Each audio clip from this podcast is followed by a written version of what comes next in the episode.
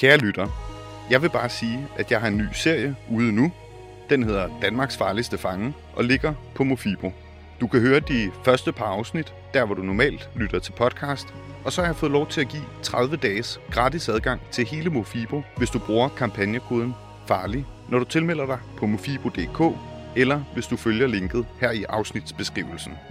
Her får du lige introen, så du ved, hvad serien handler om. Og så håber jeg, at du vil lytte med.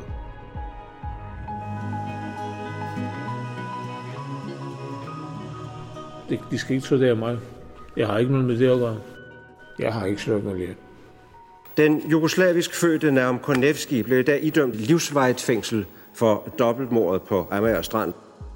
Naum Konevski begår i 1984 en af de mest grufulde forbrydelser i nyere dansk historie.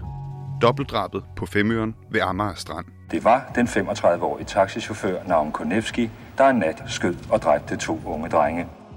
Konevski-sagen er bare ikke som nogen andre sager i Danmark.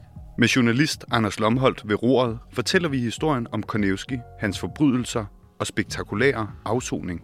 Det er forbavsende, at han sidder betydeligt længere end ham, der skød fire politibetjente.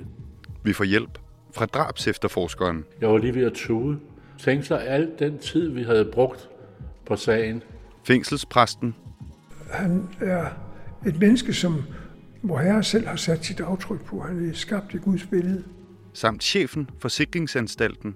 Navn Konevski er kronisk sindssyg. Og så forsøger Anders Lomholdt at finde ud af, hvordan Konevski har fået sit frygtindgydende kaldenavn. Det har altid været et mysterie, hvad det egentlig er, Konevski har bedrevet inde i de fængsler, som har gjort Kriminalforsorgen så bange for ham. Altså, hvor kommer titlen fra Danmarks farligste fange?